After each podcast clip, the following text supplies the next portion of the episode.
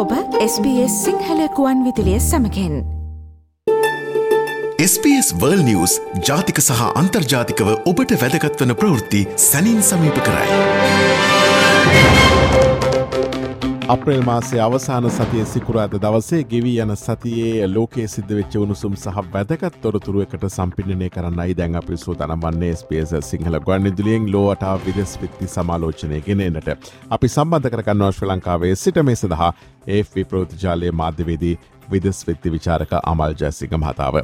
අමල් අයිබෝන් සුබූදැසනක් අයිබෝන් මදුර සුබෝදසන හොඳයි අපිට තවමත් ලෝකයේ ප්‍රධාන මාතෘකාව විදිහට ගන්නට සිද්ධ වෙලා තිබෙන්නේ රුසියාව සහ යුක්්‍රණය අතර ඇතිවෙලා තිබෙන මේ යුද්ධමය වාතාවරණය සම්බන්ධයෙන් මේ වන විට විවිධාකාරයේ නම්ගදරාපු පුද්ගලයන් පවා යුක්්‍රේණයට ගොස් විවිධ ආන්ද්‍රනාත්මක ප්‍රකාශ නිකුත් කරන ආකාරයක් තමයි අපිට පෙනියන්නේ. එක්සත් ජතින්ගේ මහලේකම්වරයාත් එවැනි චරිතයක් බාට පත් වනා පසුගේ සතියේදී අමල අපි එතනින් අපේ කතා බහ පටන් ගවු.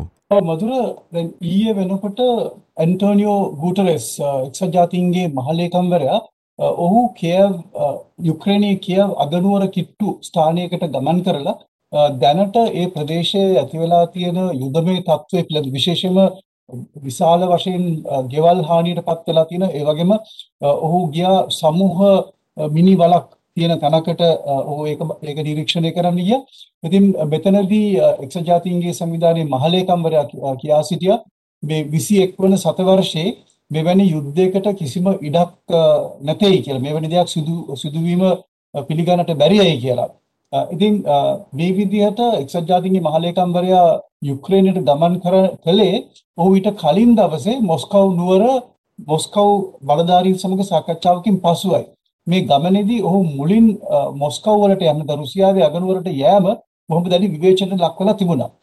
නමුත් ඔහු යුක්‍රේනයට ගිහිල්ලා ඔහුගේ ප්‍රකාශවලින් ඒකම ඔහු දක්වපු අදහස් අනුව බලපුවාම ඔහු බොහොම තරේ මේ යුද්ධය හෙලා දැක්ක පමණක් නෙමෙයි මේ යුද්ධයෙන් වෙලා තියෙන හානිය දිහා බලලා මේ තට්ටු මහල් නිවාසවලට වෙලා තියෙච්ච හානිය දැකලා ඔහු කිව්වා ඔහුට හිතා ගන්නට පුළුවන් කියලා මේ නිවාසවල හිටි හිටපු උදවියට මොන වගේ දෙයක්ද වෙන්නට ඇත්තේ ඔහුට ඔහුට හිතනවා කියලා සමහරවිට මේ නිවස්වල ඔහුගේම මිනිබිරියන් මේකේ ඉන්නට පුළුවන් ඔහුගේම දරුවන් මේකේ ඉන්න පුළුවන් ඔවුන් මෙවැනි බෝම්බ ප්‍රහාර එල්ල වෙනකොට ඒ නිවාසවල හිටපු උදියට මොකද්ද උනේ?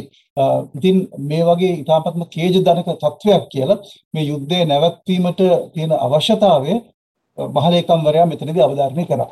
ඔවමල් දැන් එක්සත් ජාතින්ගේ මහලේකම්වරයා මේ යුද්ධය ආදීනව පිළිබඳව දැකලා මෙයාකාරයට යුද්ධය ප්‍රතික්ෂේප කරද්දි අපිට ඇමරිකානු ජනාධිපතිරයාගෙන් ඇහෙන්ඩ වෙනස්ම කතා බහක් අපි ඒ ගැනත් සටහනක් තබමු. මේකත් අලුත් ප්‍රවණතාවයක් මෙතන මදුර දැන් මීට කලින් අවස්ථාවලදී ඇමරිකාව යුක්්‍රේණයට සහය දක්වන්නට මුදල් ආධාර ලබා තිබුණා. ඒකම යුදමය වශයෙන් ද්‍රව්‍ය ලබා දෙනටත් ඒ කියන්නේ යුද ටැංකි නාශක අවියායුධ ලබා දීමට කටයුතු කළා තිබුණා.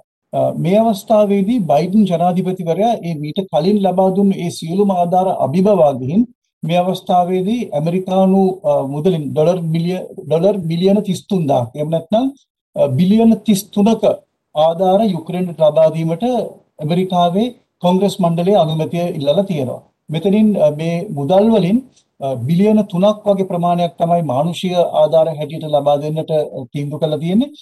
අති විශාල මුදලක් මේ බිලියන 33න් අති විශාල මුදලක් ඍජුවම යුද උපකරණ ලබා ගැනීමට සඳහා තමයි ලබා දෙන්නේ. මෙතනදී බයිඩන් ජනාධිපතිවරයා පවසන්නේ මේ විදිහට අති දැවැන්ත විදිහට යුක්‍රේනයට යුද ආධාර ලබා දීම ඇමරිකාව කිසි විදියකින් රුසියාව සමග යුද්ධ කිරීමක් නෙමෙයි නමුත් මෙතනදී යුක්‍රේනයට තමන්ට එල්ලවන ප්‍රහාර මැඩ පැවැත්වීමට රුසියාවේ ආක්‍රමණය එය පිටු දැකීමට මෙය ඉවහල් වෙයි කියන පදනම මත තමයි මේ අවස්ථාවේ මේ මුදල් ලබා දෙන්න යෝජනා කරලා තියෙන්නේ. ඉතින් මේ මුදල් ඇත්තටම වියදම් කිරීම සඳහා කොංග්‍රස් මණ්ඩලයේ අනුමැතිය අවශ්‍යයි.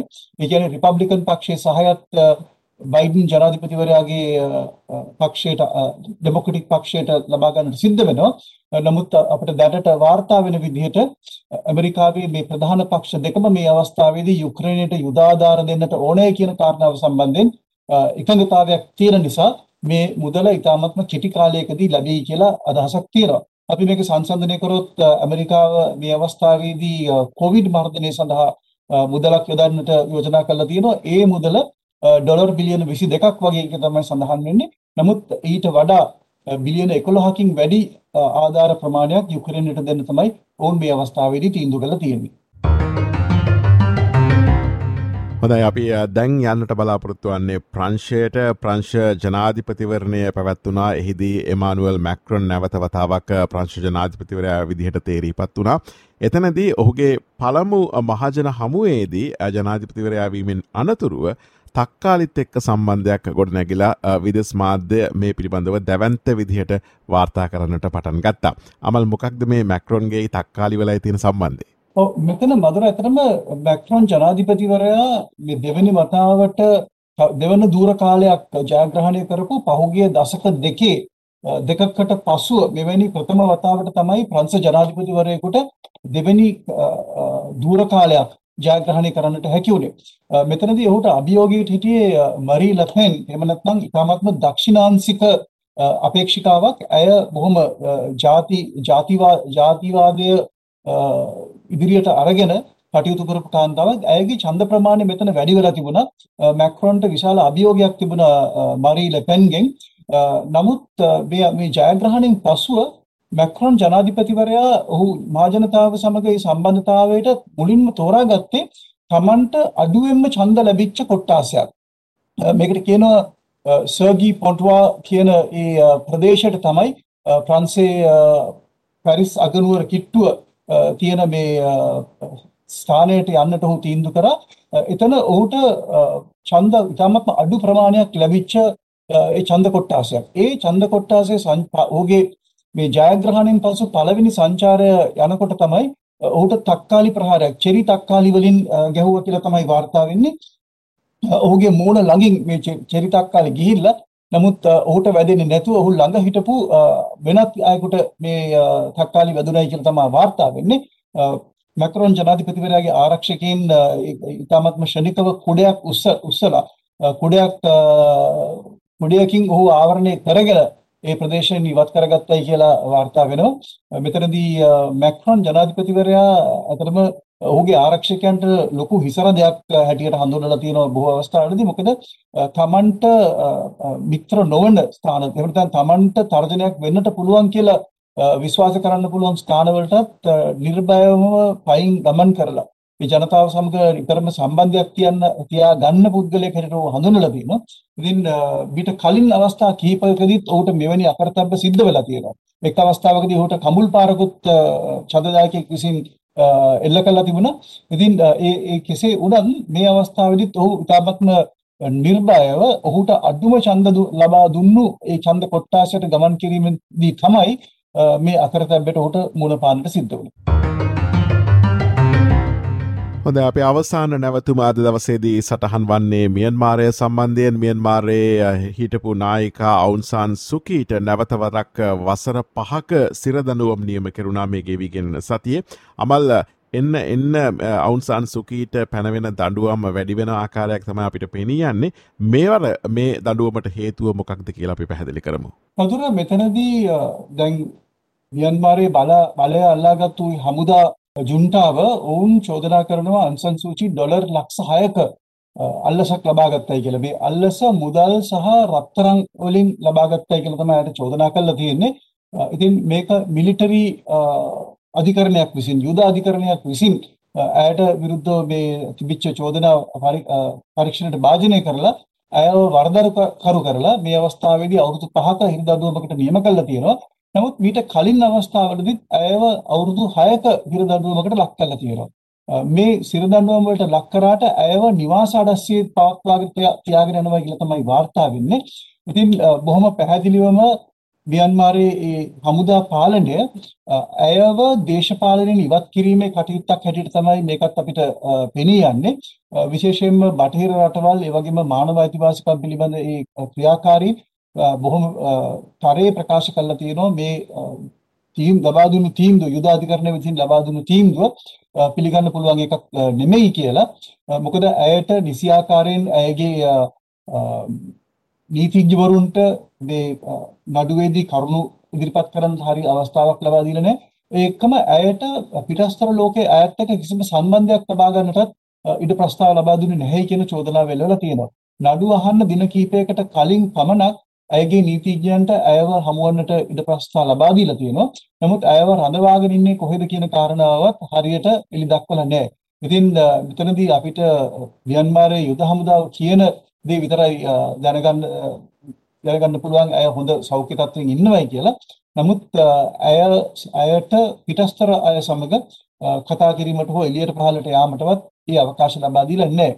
අ, ඒකම මේ වෙනකොට මතක් කරන්නට ඕනේ මధుර දැන් අ, මියන්මාරයේ හමුදාව බලය අත්පත් කරගත්තට පස්සේ මේ වෙනකොට අ, 1700ක් විතර සාමාන්‍ය ජනතාව ජීවිතක්ෂරපත් වෙලා තියෙනවා. මොකද දිනපතාම වාගේ මියන්මාර් හමුදා අ, මේ බලයට විරුද්ධව හමුදා ජුන්ටාවට විරුද්ධව රට පුරාම කැරලි ගහන තත්ත්වයක් තියෙනවා.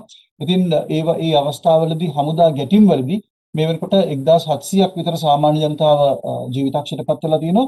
ඒත් එක්කම තව 13000ක විතර පිරිසක් අ, තවමත් හමුදා අත්අඩංගුවේ පත්වනවායි කියලා වාර්තා වෙනවා. ඉතින් මේ හමුදාවට විරුද්ධව රට තුල තියෙන විරෝධය දිගින් දිගටම වැඩි වෙනවා. නමුත් අ, ඒ ඒ කැරලිකරුවන්ට හැකියාවක් ලැබිලා නැහැ හමුදාව හමුදා බලය අ, හමුදාව බලයෙන් පහ කරන්නට අ, හ- තම- ඒ එක්කම හමුදාවත් තමන්ගේ දේශපාලන බලය ශක්තිමත් කර ගැනීමට මේ විදිහට දැන- දැනට මියන්මාරයේ අ, බොහෝ පිළිගත් ප්‍රධාන දේශපාලන නායිකාවක් වන අන්සන් සූචි මේ විදිහට අ, ඇයව හිරාඩස්සිය තබා ගැනීමට තමයි කටයුතු කරලා තියෙන්නේ. තව ත- මෙපමණක් මෙපමණක් නෙමෙයි මధుර ත- ඇයට විරුද්ධව තවත් චෝදනා තියෙනවයි කියලා මිලිටරි ජුන්ටා මේ වෙනකොට ප්‍රකාශ කරලා තියෙනවා. ඒ නඩුත් ඉදිරියේදී පවත්වනවායි කියලා අ, ඒ ඒ විදිහට අනතුරු ඇඟවුමකුත් කරලා තියෙනවා. අපි අය මෙවර ස්පේස සිංහල ගුවන් විදිලියල වටා විදස් විති සමාලෝචනයකින වේගෙවිගේ සතියේ ලෝක සිද්ධ වෙච්ච උණුසුම් සහ වැදගත් තොරතුරු ඉතින් අපි මේ සාකචාවට සම්බන්ධ කරගත්තේ ඒෆ ප්‍රෘතිජාලයේ මාධ්‍යවේදී විදිස් විත්ති විචාරක අමල් ජයසිංහ මහතා. අමල් බොහමත්ම ස්තුතියන්තනව මේ තොරතුරු ගෙනාවට අපි ලබන සතිය සිකුරාදා නැවතත් හමෙමු සුභ සතියන්තයක් ප්‍රාථනා කරනවා. ආයුබෝවන් මధుර.